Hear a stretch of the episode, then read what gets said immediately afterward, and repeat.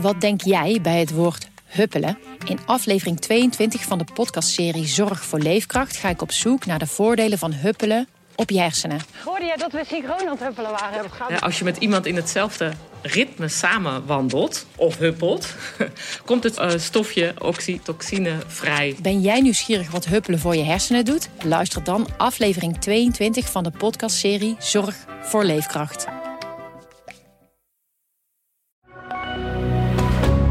Goedendag, dit is het nieuwsoverzicht van de Stentor. Het is vandaag erg druk op de weg. Met 972 kilometer file is het officieel de drukste ochtendspits van het jaar. ANWB en Rijkswaterstaat waarschuwden al voor regen en ongelukken. Zij roepen mensen op vanuit huis te werken of buiten de spits de weg op te gaan.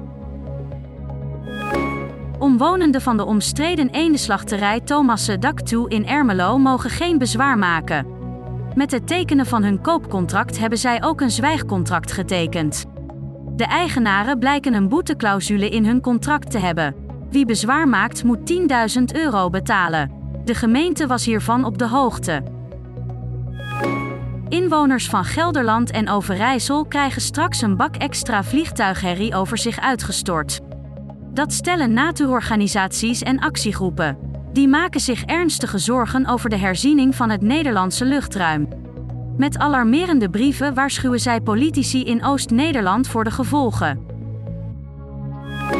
Paasvuren dreigen het volgende slachtoffer van de stikstofcrisis te worden. 73 organisatoren in de regio moeten dit jaar verplicht berekenen hoeveel zij uitstoten. Als dat te veel is, lopen de traditionele paasvuren het risico te worden afgeblazen en kan het feest volgend jaar mogelijk niet doorgaan. Een megaboete dreigt voor een Zutphense vishandel. Als de eigenaren van de vishandel op het bedrijventerrein De Mars het terras niet opdoeken, moeten zij mogelijk een boete van zo'n 40.000 euro betalen. Eigenaresse Saskia vindt het onbegrijpelijk, het gaat om vier uur in de week en heeft volgens haar niets te maken met horeca. Tot zover het nieuwsoverzicht van de Stentor. Wil je meer weten? Ga dan naar de stentor.nl.